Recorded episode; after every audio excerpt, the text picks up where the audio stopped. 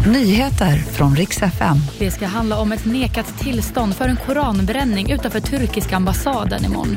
Och dödssiffran fortsätter att stiga efter jordbävningarna i Turkiet.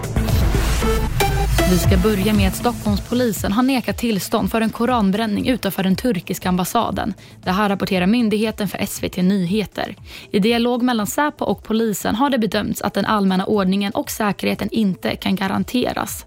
Personen som hade ansökt om demonstrationen skulle genomföra koranbränningen imorgon klockan 12. Vi går vidare med dödssiffran i jordbävningskatastrofen i Turkiet som fortsätter att stiga. Mer än 11 000 personer har dött hittills och det här rapporterar nyhetsbyrån AFP.